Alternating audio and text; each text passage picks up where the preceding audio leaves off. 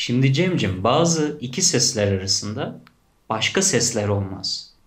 Mesela si ile do, mi ile fa arasında başka ses yoktur. Si bemol diye bir şey duyarsın, si diyez diye bir şey duymazsın. Mesela do bemol diye bir şey de pek duyulmaz. Abi zaten 7 nota var ya. Yani ne kadar ileri gidebilirsin ki?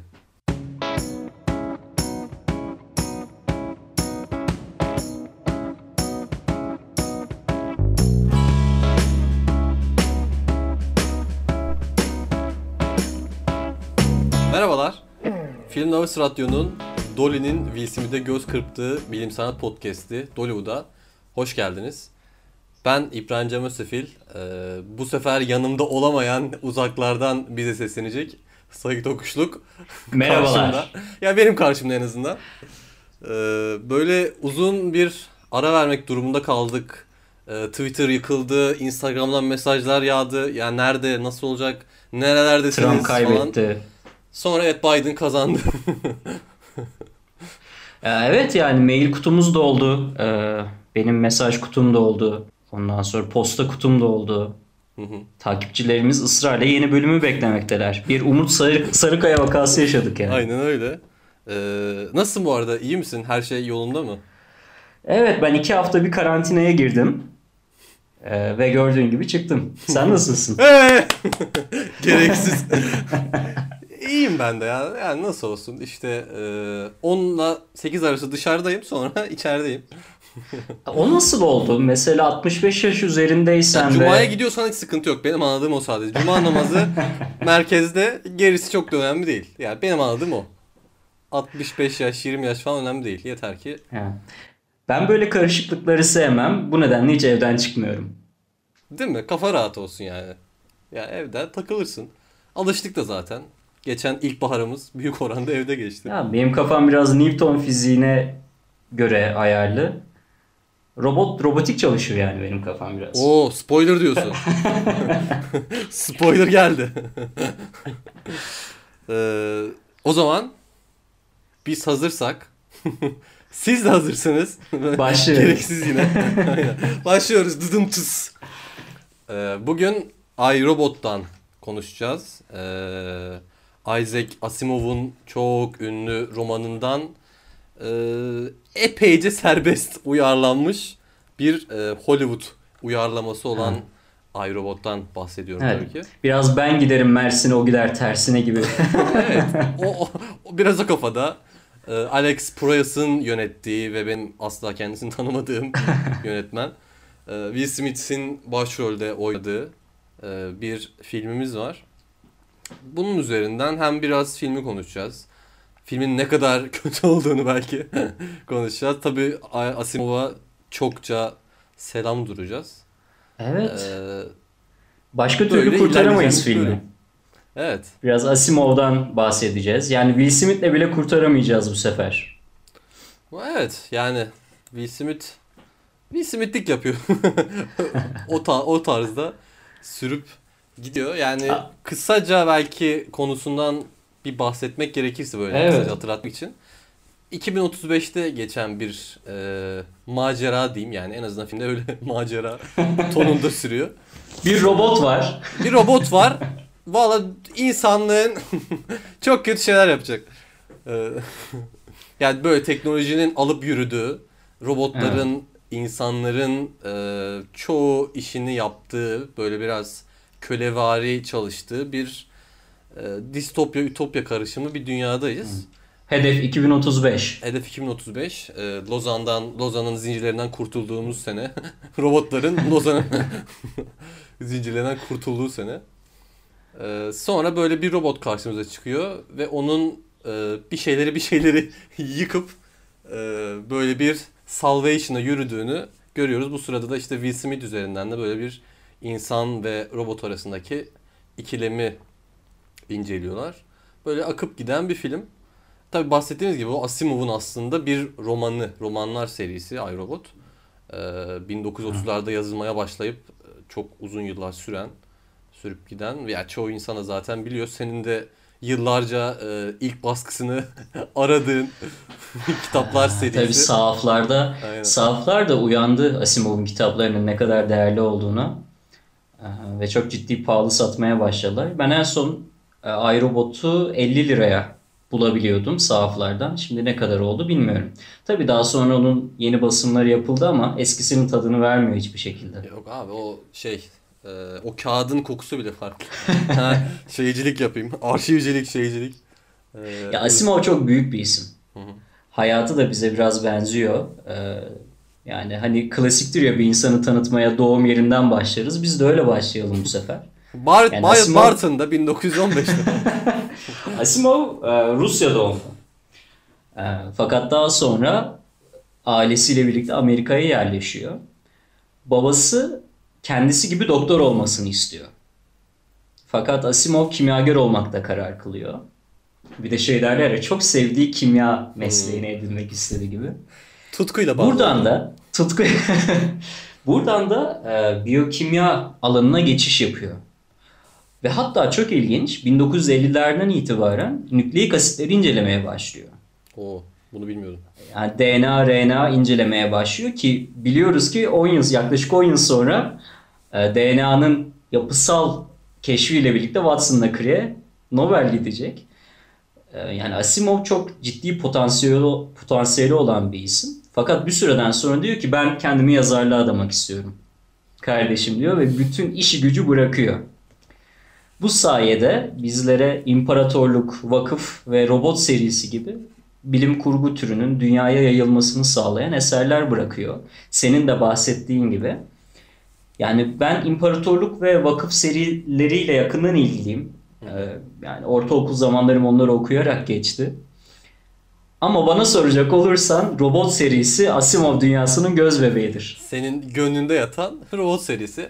Ya Foundation'ın da çok seveni var hakikaten vakıfın. Ki yakın zamanda da bir Apple TV uyarlaması gelecek dizi mutlaka duymuşsundur. Böyle onun için de çok yü- yükselmiş durumda insanlar. Bakalım iRobot kadar kötü olabilir mi? Zor görünüyor ama yine de belli olmaz. Ya çünkü e, neden göz bebeğidir diyorum. Mesela İmparatorluk, Vakıf serisi bu gibi kitaplarda da e, Susan Calvin'in ismi geçer. Hmm. Yani Susan Calvin çok e, bel kemiği bir karakter. Asimov dünyası için. Gandalf gibi bir isim yani. Felaket tellalı. yani ya benim mesela Asimov'da en çok sevdiğim şey o yani robot külliyatı, robot kelimesini o icat etmiş değil. Robot kelimesini işte Evet. Karel Čapek 1918 yılında bir tiyatro oyununda yazıyorken Çek bir yazar. Robota kelimesini kullanıyor. O da forced labor demekmiş. Onu da ben yeni öğrendim. Oradan bir robot kavramı çıkıyor. Daha sonra işte filmler, şeyler üretmeye çalışıyor ama ya belki Asimov'a kadar hep robotlar böyle bir Frankenstein yani e, üretenine bir sonra ihanet ya da işte ne Evet. bileyim e, Metropolis gibi ya da işte çok yakınlara gelirsek Terminator gibi. Yani dünya yani insanlığı yok edecek ya da işte onunla bir şekilde engelleyecek böyle bir çatışma zemini oluştururken Asimov aslında çok farklı bir yoldan gidiyor yani. Onun o e, belki distopyayı ütopyaya, ütopyayı distopyaya çeviriyor. Yani o ikisi arasındaki şeyi dengeleri değiştiriyor. Ben bunu epey etkileyici buluyorum yani. E, kesinlikle yani kendisi bir robot psikoloğu aynı zamanda. Aynen. Mantık ustası ve e, Robotik El kitabı 56. baskıya baktığımız zaman da filmin de ilk e, sahnelerinde gördüğümüz 3 robot kuralını görüyoruz. Evet. 3 robot yasası olmazsa olmazımız. Olmazsa olmazlarımız. İstersen birazcık giriş yapalım. Aynen. Ya ben 3 yasayı okuyayım. Öyle oradan sonra Evet. konuşmaya devam ederiz. Birinci Ben yasa... de 56. baskıdan takip ediyorum. Evet sen de Türkçe mealini altını çizerek.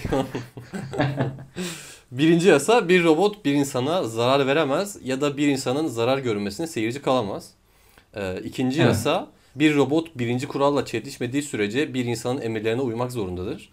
Ee, üçüncü Evet. yasada bir robot birinci ve ikinci kuralla çelişmediği sürece kendisine zarar görmesine izin veremez. Böyle üç tane temel yasamız var ve robotlar bunları asla çiğneyemiyor. Ee, ya ki aslında iRobot yani film olanın sonunda böyle bir onun çatışması var ama oraya geliriz. Ya bu üç yasa üzerinden şekillenen e, bir robotlar topluluğu görüyoruz. Evet yani söylemeden de geçmeyelim. Ben Robot kitabı aslında böyle bir işte macera romanı gibi bir şey değil. Bu üç kuralın sınırlarını belirleyen hikayelerden oluşan bir kitap. Ee, yani bu üç yasanın teorikten pratiğe aktarılması aslında iRobot. Baktığımızda. Şimdi bu hikayeleri ben birkaç tane böyle cümle halinde özetledim. Ee, yani bu işte kurallar nasıl değiştirilir, ne olur birbirlerine nasıl etki eder birazcık onlara bakalım istiyorum. Diyelim ki şöyle bir varsayımsal durum var. Robota bir emir veriyorsun. Bu emir sonucunda robot bir tehlike atılacak. Robot ne yapar? Şimdi kurallara baktığımız zaman hangi kural bir diğerinden daha üstün? Ee, şöyle bir durum olacak. Robot kendini önemsiyor ama ikinci yasa üçüncü yasanın üstüne çıktığı için robot senin emirlerini dinleyecek. Fakat bir süreden sonra bir paradoksa girecek. Çünkü tam emirlerini yerine getireceği zaman kendi zarar görecek. Bu nedenle bir paradoksa girecek ve o emri yerine getiremeyecek doğru düzgün. Kitapta da şöyle bir olay gerçekleşiyor. Ee, insanlar bilerek kendini bir tehlikeye atıyor ki birinci yasa hepsinden üstün gelsin.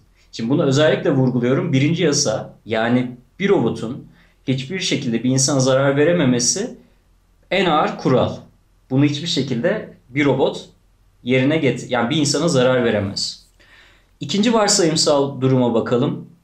Ee, bu da çok ilginç. Bir robot e, bir süreden sonra kendisini yaratanın kendisinden daha alçak, işte organik maddeleri oksitleyen bir canlı olamayacağını söylüyor. Burada organik maddeleri oksitlemek bizim hani işte mesela sandviç yiyip onu sindirmemiz. Robotlar bir süreden sonra bunu fark ediyor. Yani kitapta da bunu fark ediyor ve kendi tanrılarını yaratmaya başlıyorlar. Ama buna rağmen yine insanların emirlerine e, ve e, insanı koruma yasasına sadıklar. Yani bu durumda bile, kendi tanrılarını yarattıkları durumda bile yine insana yardımcılar. E, bir başka durum var. Tony denilen bir robot var mesela. O da e, bir kadın üzülmesin diye ona aşıkmış rolü yapıyor. Bu arada Tony e, ilk insansı robot. Hmm. Çok yakışıklı bir robot bu arada. Öyle tanımlanıyor. Ve son olarak filmde bahsi geçen, ya bak bu kadar e, farklı olay saydım şu ana kadar 3 tane olay saydım. İkinci, üçüncü kuralları işte bir şekilde gevşeten. Filmde bahsedilen Nestor denilen Enesler. Yani NS'ler.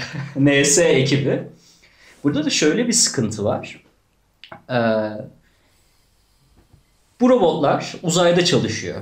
Uzayda aynı şekilde insanlar da var. Ve gama ışınlarının bol olduğu bir yerde insanlarla robotlar birlikte çalışmak zorunda. Fakat birinci kural o kadar baskın geliyor ki yani bir insana zarar vermemek. Robotlar insanların o gama ışınlarının olduğu yerde çalışmasına kesinlikle izin vermiyor. Bundan sonra e, bir mühendis ekibi birinci kuralda ufak bir değişiklik yapıyor. Şimdi filmde her ne kadar çok abartmış olsalar da kitapta şöyle devam ediyor bu konu. E, diyelim ki bir cisim insanı ezecek. Robotun onu kurtarması lazım. Robot onu kurtarmıyor insanı. Birinci yasası ufak değiştiği için. Şöyle düşünmeye başlıyor. Ben boşu boşuna ölürüm. İlerleyen zamanlarda belki başka bir efendiyi kurtarmaktan kendimi alıkoyuyorumdur. Bir robotun gelebileceği son seviye bu. Bu kurallar dahilinde. Bir insanın ölümüne göz kırpabilir. Ee, ne derler ona? göz kırpmak göz değil. Yumabilir. Göz yumabilir. Ee, göz yummasının tek bir temeli olabilir. Daha fazla insanı kurtarmak. Bu da senin e, işte 12 Monkeys'de konuştuğun aslında biraz e, yararcı aynen, etik aynen. mevzusuna geliyor. E, bunlar kitaptan bazı doneler. E, her ne kadar bunlar hiçbir şekilde dikkate alınmamış olsa da. Evet. E, ya filmde o e, şeyi çatışmayı, o challenge'ı işte şey bir robotun hem Will Smith'in karakteri hem de bir kız, genç küçük evet. bir kızı kurtarmak üzerinden kararsız kalıp yaşama şansı yüksek olanı kurtarması üzerinden bir çatışma kuruluyor ama yani benim aldığım kadarıyla kitaplarda böyle bir şey yok. Ya bu tamamen ya. kurgu, değil mi? Ta tabii şöyle düşünelim. Kaç defa robota yapma diyorlar. Bir robot emirleri dinlemek zorundadır. İkinci kuralı çiğnedin. Ee, bir robot bir insana zarar veremez. Birinci kuralı çiğnedin. Will Smith'in canını okudular ya. yani filmde. Üçüncü kural tamam. Yani Bir robot kendisine zarar vermek istemiyor. E, tamam da birinci ile ikinciyi ezdin. Ya, dolayısıyla film aslında çok ciddi bir probleme oturmuş durumda. Bir mantığa oturmamış durumda ama neyse ki karakterler gerçek. ya değil mi? Evet. Susan Calvin var. Biraz temalar işte Enes'ler alıp 3 3 yasayı alıp böyle biraz kendi kurgusal dünyalarına uyarlamışlar. Tabii başka ortak özellikleri de var. Mesela robotların beyninin pozitronik bir beyin olduğuna bahsediliyor Oo. ki Asimov da hakikaten onları öyle kurgulamış. Ee, onun hikayesi de ilginç yani Asimov bu işte robotlar hakkında yazıyorken ya tabii böyle bir e, kurgu geliştirmesi gerektiğini biliyor. Onlara bir beyin vermesini, düşünmeleri gerektiğini biliyor. Ve o sırada da 1928'de e, Paul Dirac isimli bir e, fizikçi pozitronları buluyor. Ki pozitronlar da e, antielektronlar olarak geçiyor. Yani şey x artı bir yüklü elektronlar. Elektronlarla aynı ağırlıkta çok küçük bir ağırlıkları var. E, o pozitron kelimesini diyor ki o aslında o zamanlarda çok büyük bir buluş. Ben bu güzel bir isim ya bunu vereyim tadında isim veriyor. Ya yani pozitronlar hakikaten var ama e, beyinde kullanılabiliyor mu? Bu soru işareti. Yani şu ana kadar üretilmiş Evet. falan bir şey yok. Ki zaten Asimov da çok fazla detay vermekten kaçınıyor. Yani sadece platinyum ve iridyum olduğu söyleniyor galiba beyinlerin içinde. Filmde geçmiyor ama galiba Asimov'un kitaplarında öyle varmış. Biraz araştırınca onu gördüm. Ya filmle şey arasında aslında kitap arasında böyle bir benzerlik de var. Ee, ki bunları aslında sonra Star Trek'te ne bileyim Avengers'ta o Jarvis karakterine falan hep onlarda da bu pozitronik beyin e, şeyinin kavramın hala kullanıldığını görüyoruz. Ya pozitronların beyinde kullanabildiği tek bir şey var. Onu da biraz araştırdım. O da PET imaging denilen bir şey. Sen de mutlaka duymuşsundur yani biz derslerimizin birisinde görmüştük. Hangisini hatırlamıyorum ama yani şey yapınca araştırınca çok e, aşi- aşina geldi. Ya pozitronları beyin kanseri, Alzheimer ve Parkinson teşhisi için kullanıyorlar. Orada ra- radyo izotop- izotopları kana veriyorlar falan filan. Yani sadece pozitronların beyinle iletişimde tek kullanımı o yani. Ee, onun dışında da Evet. zaten yani yine yanılmıyorsam e, ya Asimov çok fazla girmiyor değil mi bu beyin olayını yani beyinleri nasıl çalışıyor, ne oluyor, ne bitiyor. Ondan çok o işin biraz belki biraz felsefe tarafında ya da e, daha diğer taraflarında diyeyim.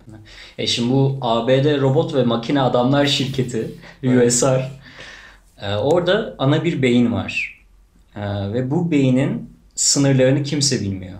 Fakat bildiğimiz tek bir şey var. Bu beyin üç kural çerçevesinde hareket ediyor. Bunu hiçbir zaman ihlal etmiyor. O beyin bile hiçbir şekilde ihlal etmiyor. Hatta e, karakterlerimizden birini öbür dünyaya götürüp getirmişliği var yani. o kadar.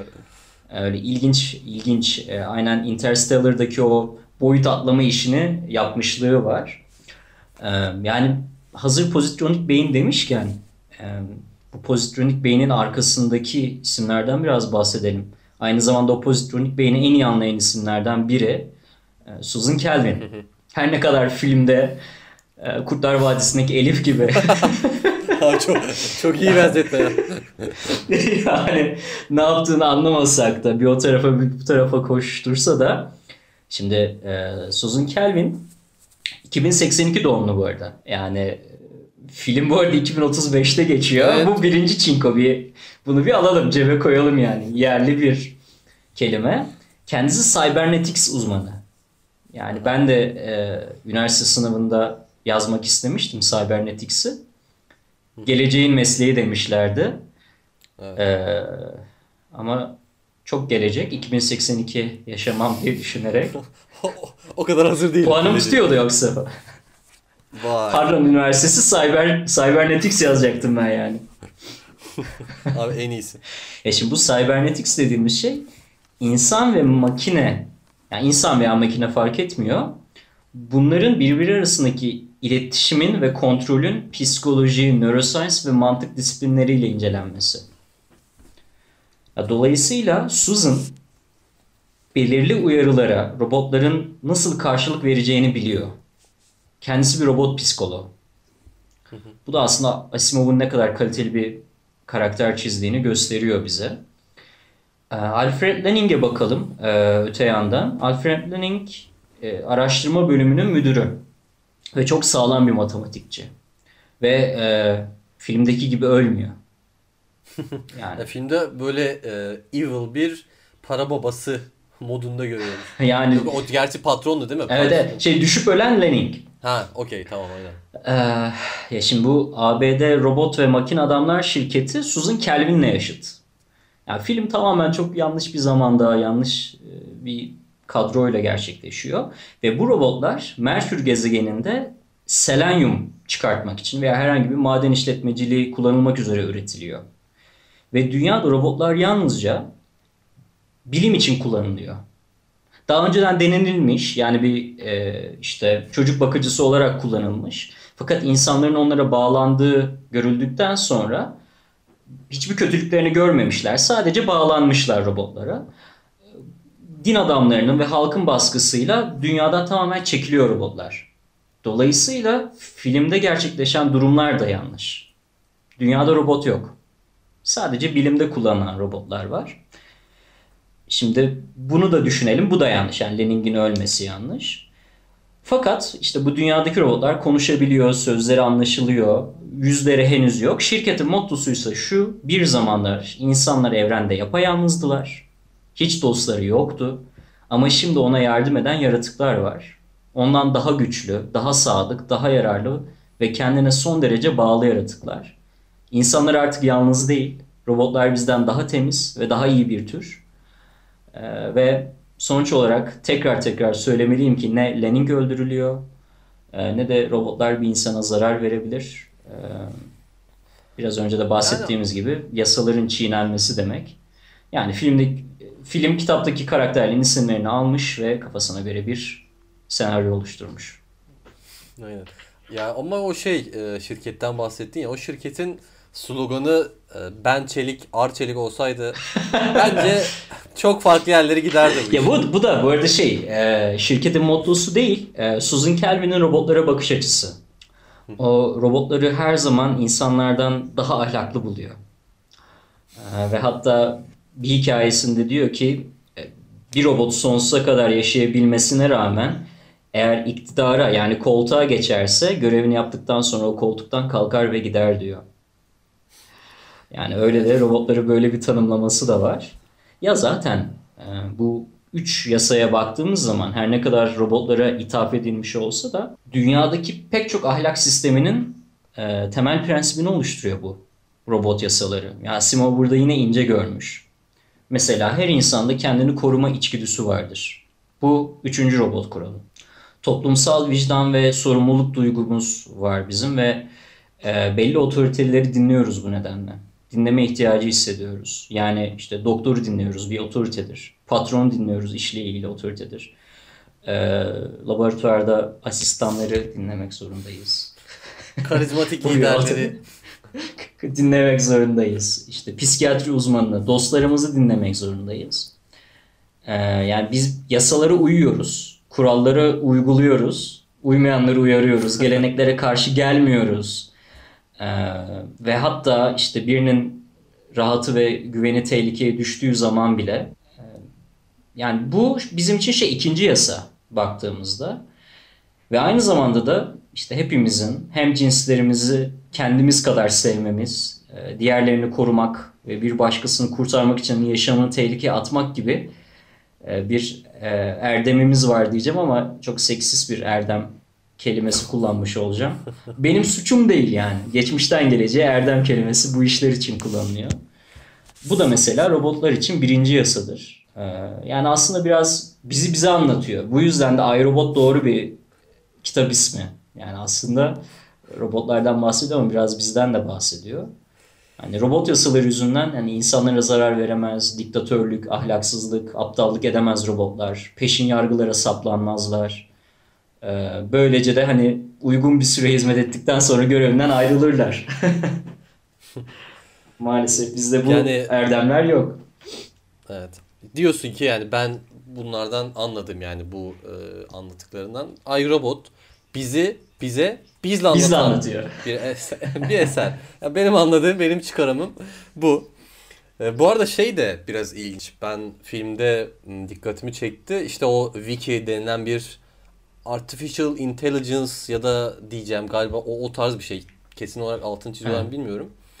Onun böyle bir e, üç yasayı kendi içinde özümseyip kendi yasasını e, oluşturduğu e, bir e, bölüme şey yapıyoruz. Yani bunu kendi mantık süzgecinden geçirip belki bilmiyorum artık biraz belki kendi duygularını katıp e, böyle bir yasaya eviriyor ve aslında robotların insanlarla olan o işte filmin sonundaki çarpışması o yasa üzerinden yeni üretilen yasa üzerinden biraz e, meşrulaştırılmaya evet. çalışılıyor diyeyim. Yani benim bildiğim kadarıyla işte Asimov'un yine öyle bir e, şeyi yok. E, yani zaten baktığımız zaman, bilime baktığımız zaman işte bu machine learning'ler, AI'lar çok gelişmiş, gelişiyor. Çok fazla konuşuyoruz. Ee, sağ olsun bir arkadaşımız bu işlere gönül verdiği için sık sık konuşuyoruz. Kendisine selam olsun evet. Atabey'e. Ee, ya o aslında yani robotların beyinleri algoritmalara göre e, hareket ediyor ve algoritmalar da aslında bir hareketler tarifi olarak adlandırabilirim. Yani mesela kalk, e, hedefe doğru yürü, hedefe ulaşınca elini uzat. Yani mesela hep böyle bir tarifler serisine algoritma deniyor. Ya onların herhangi bir e, bilişsel yeteneği, e, herhangi bir yani öyle şeyleri yok. Yani duyguları yok. Evet. o çatışma da aslında yine şey o işte esas robotumuzu hatırlamıyorum da o da who am I falan filan diyor ya işte ben insan mıyım, duygularım yok, kendim karar veremiyorum falan. Oradan onun bir pozitonik kalbi olduğuna kanaat getiriliyor falan. Oradan iyice alıp yürünüyor ama dediğim gibi ya bunların bilimsel olarak aslında bir karşılığı yok. Yok. Ee, yani böyle üretilmiş e, bir e, bir robot zaten yok. Yani Asimov'un da e, bu bu tarzda e, bil yani yazdığı şey yaptığı bir şey yok galiba diye biliyorum. Ama burada Asimov'u sen daha yakından tanıdığın için yani aslında e, Asimov'dan biraz kopacak olursak e, mantık, yani temel mantık kuralları geçerli burada. Üç temel kuralları var. Bunlarla hiçbir şekilde çelişemiyorlar. Ee, işte en başta da bahsettiğim gibi birkaç tane olay yaşanıyor. En fazla o kadar bu algoritmaların dışına çıkıyorlar. Bu arada algoritma demişken hani Karl Popper der ki bütün bir e, dünya biyolojik mantıkla çalışır der. Ee, yani biyolojik mantık nedir? Bizler bir problemle karşılaşırız ki bu genelde çevrenin baskısıdır. Sıcaklık olabilir, başka bir hastalıklar olabilir. Bunları çözüm önerileri geliştiririz. Ve daha sonra en çok tutan çözüm önerisini kendimizde saklarız. Hani insanların iki ayaklı olması veya ne bileyim e, ayıların kış uykusuna yatması gibi durumlar. Bunlar hep birer çözümdür. E, bizi çözüme götüren algoritmalar bütün aslında baktığımızda. Şimdi e, bir robotun bu kuralların dışına çıkması aslına bakarsak bir ayının bir sene kış uykusuna yatmamasıyla aynı şey. Yani mantık dışı baktığımızda. Bunu demeye getirecektim. Aynen öyle. Ee, onun dışında da e, yani şey de her zaman bir tartışma konusu olmuştur. Ee, filmde çok fazla bahsi geçiyor mu emin değilim. Gerçi o işte esas bahsettiğimiz robot üzerinden işte benim ruhum var mı, bilincim ne alemde evet. falan. O beden bilinç e, tartışması da ya robot biliminde zaten her zaman vardır. Robotlardan önce de aslında insanlar üzerinden de insanların ruhuyla e, bedeni ayrı mı, farklı mı vesaire işte ne bileyim Descartes'in işte zihin beden dualizmi düşüncesi işte zihin evet. ve beden iki ayrı olgudur bu kartezyen bir düşünce tarzı olarak. İşte bir yandan e, işte Gilbert Ryle'ın o e, şeyin Descartes'in düşüncesini makinedeki ruh olarak bahsedip ki makinedeki ruh da galiba filmde geçiyordu değil mi? Bir yerde galiba Doktor Lenning ya da evet. birileri kullanıyordu. Bir oradan da bana şey yaptı. Çağrışım yaptı. O Ghost in the Machine'i e, yani makinedeki ruh, hayaleti reddediyor, reddeden şeyler var, e, görüşler var. Yani aslında burada da o şeyi e, karşıt soruları, karşıtlığı asla çözemedik ve çözemeyeceğiz de gibi. Yani bilinç sadece nöronlarımızın etkileşimine mi, nöronların sinapslerimiz aracılığıyla devam etmesine mi, iletilmesine mi bağlı yoksa deneyimlerimize mi bağlı yoksa ikisinin bir ortak e, sonucu mu?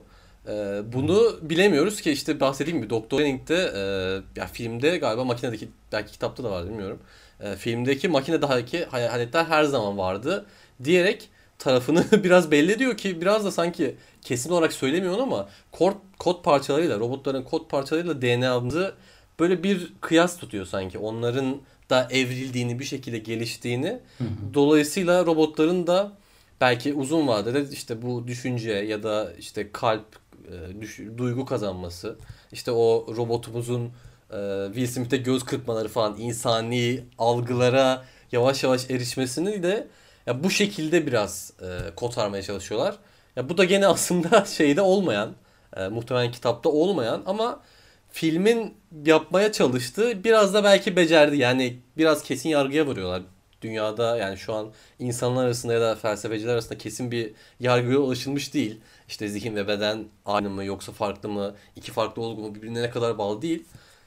Filmin yani ben beğendiğim bir kısmı olarak e, bunu belirtmek isterim. E, sen bu konuda bilmiyorum. Yani beni aldın başka başka noktalara götürdün. Evet ya biraz da aslında oraya girelim istiyordum. Sen hep şeysin de ya.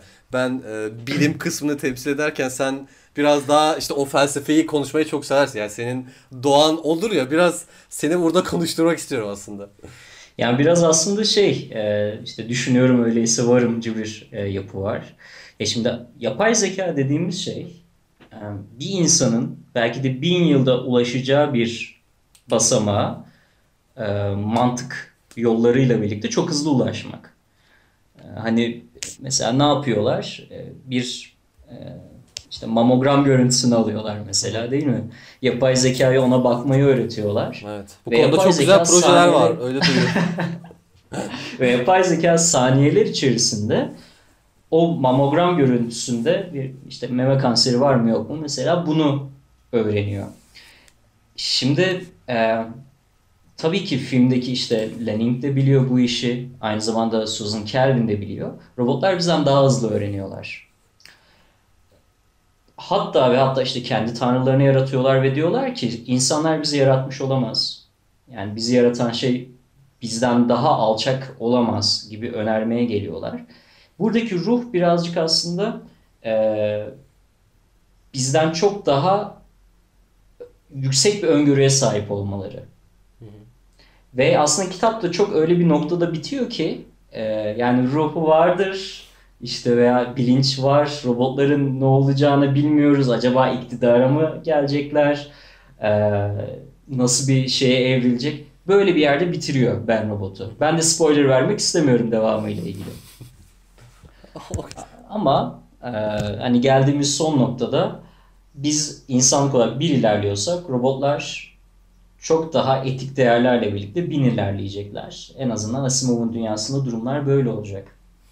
Yani, ins- Diyerek ben de hemen kaçayım. yani insanlığın tiranı bitecek, robotların devri gelecek. Hemen ben de şey, ver baskıyı, ver coşkuyu. Ya sen filmi sevdin anladığım kadarıyla. Yok, sadece- Beni filme çekme. Bu kısmı benim hoşuma gitti yani o e, makinedeki ruh mevzularına falan biraz girmeleri. Ya o ya onda hep düşünülüyor o işte ya robotlarla ben bu konuda işte ne bileyim zombileri, uzaylıları falan hep o şeyin çatışmanın merkezine koyuyorum. Yani insanlığı yok edecek mi? İnsanla barış mı sağlayacak? İşte onlar bizim Frankenstein'ımız mı olacak? Hep bu çatışmalar üzerinden hem de insanlık olarak e, biz de ne kadar özgürüz işte e, sınırlarımız ne onlar da o hep benim de biraz kafamı belki karıştıran bir şey olduğu için ya bu benim biraz ilgimi Ben çekti. şunu sorguladım bu filmi izlediğim süre boyunca. Mesela insanlar e, bugüne kadar çok ciddi savaşlar verdiler, birbirlerini katlettiler. Acaba bu durumda robotların bakış açısı ne olacaktı? Bu üç kural nasıl çalıştı, çalışacaktı acaba? Mesela Haçlı seferlerine katılırlar mıydı? Tabii yani emir geldi diyelim. Yani Kudüs'e doğru yola çıktılar. Ama çok kan dökülecek. Bu durumda ne yaparlardı? o zaman e, bir sonraki filmimizi e, şey cennetin krallığı değil ne olsun robotların krallığı falan. Neyse olmadı. E, Yani şimdi e, ha, biz filmden kopamıyoruz. Rejiden uyarı geliyor filmden koptuğumuz zaman. E, yani şimdi filmde neler vardı? Bir gözden geçiriyorum. Robotlarla insanlar arasında savaş. Kırmızı Converse. E, Evet, o ko- ondan sonra işte BMW'ler. ya, Lenning'in atlaması, Susan Calvin'le işte Will Smith arasında hafif bir mi? cilveleşme. Olacak mı? Oldu mu? Olacak mı olmayacak mı? Ee, bu arada bu filmin ne hayırdır böyle bir reklam Evet ya o çok rahatsız Nedir etti beni bu? Bu abi benim konversim çok iyi. Sana da vereyim mi falan. Nasıl beğendin mi falan böyle yani tatsız. Şimdi yani bir de ülkemizde bunu Cem Yılmaz yaptı diye adamı 10 yıldır dövüyoruz. Şimdi onun üzerine bunu izleyince adamlar Evet. 2004'te yapmış yani. Evet. iRobot 2004 yapımı bir film. Ee, Evet. yani belki yenilikçi olarak adlandırabiliriz bilmiyorum. Ama o göze sokma olayı beni biraz rahatsız etti. Pek yakında da mesela güzel kolalarını işte Sprite'ları 7 günlerini içip sarı kolalarını Evet. hayatlarına devam ediyorlardı. Burada abi işte Converse'im çok iyi. Abi arabam bak akıyor falan. Yani gerek yok. yani sen şimdi bir Ya. Matt Damon da değilsin. Will Smith ne bu havalar? Değilsin.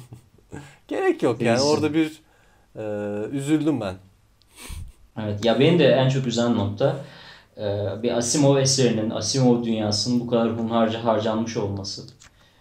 Umarım önümüzdeki yıllarda e, Asimov dünyasını detaylıca ele alan, e, iyi bir şekilde inceleyen, e, bilim insanlarıyla birlikte çalışıp bir senaryo yazılan bir proje görürüz. E, çünkü eminim bilim kurguya çok e, yeni bir soluk getirir diye düşünüyorum. Bob Marley Faruk'tan sonra Peki sen şeyi biliyor muydun Asimov'un bir senaristle birlikte iRobot film senaryosu yazdığını? Aa kaçırmışım ben onu. 70'lerin sonunda galiba yazmışlar ama sonra bir türlü hayata geçirememiş ve Asimov'un o senaryo hakkında galiba okuduğum en iyi senaryo gibilerinden böyle çok iddialı bir sözü de var. Sana bir onu bakmanı tavsiye ederim. Ben çok yükseldim. Bilmiyorum metnini bulabilir misin? Ama o mesela Hı. onu biri bulsa da yani kayıpsa çekse falan. O çok güzel olur yani. Ya da bu işi artık biz görüyoruz. Ya da artık zamanı geldi. Yani e, şeyden Kültür Bakanlığı'ndan alıp desteğimizi biz bu filmi çekeriz. Kameramız, mikrofonumuz ve bar taburemiz var. Daha ne olsun. Bir seneye de koronayı bitiriyoruz. Altanı da alıp geçiyoruz. Babamı da yanıma alıyorum. Ben yine çok teşekkür Evet. edeceğim tabii ki. Çünkü neden? Bölüm bitiyor. Ben o zaman sana teşekkür etmek durumundayım. Ve Şaka bir yana bayağı 6-7 hafta oldu galiba son bölüm çekeli. Bir bölümü Evet. daha çektik ve bayağı keyifli oldu ya. Zaman akmış gitmiş gene bakıyorum. Ee, yarım saat falan açtık muhtemelen. Evet. Ee, yeniden çok teşekkür ediyorum. Uzaktan da olsa artık sana dokunamasam da gereksiz e, cinsellik. ee, iyi gördüm seni ama. Ya yan yana olmanın tadını vermiyor. Çok ayrı çok ayrı. O e, ten tene e, yan yana nefes nefese olmak çok ayrı. Hadi bakalım kapatıyoruz. Hadi kapatıyoruz. Kaydı durduruyoruz. Biz devam ediyoruz. Ee, o zaman iki hafta sonra bu sefer iki hafta sonra geri döneceğimizin e, müjdesini veriyorum. Yani artık Said'in mail kutusunu lütfen doldurmayın. Ee, Amerika'dan önemli mailler bekliyor. Kaçıp gidecek buralardan. Biz göreceğiz yani emin olabilirsiniz. Ee, ve diyerek bir sonraki bölümde görüşmek üzere. Hoşçakalın. Hoşçakalın.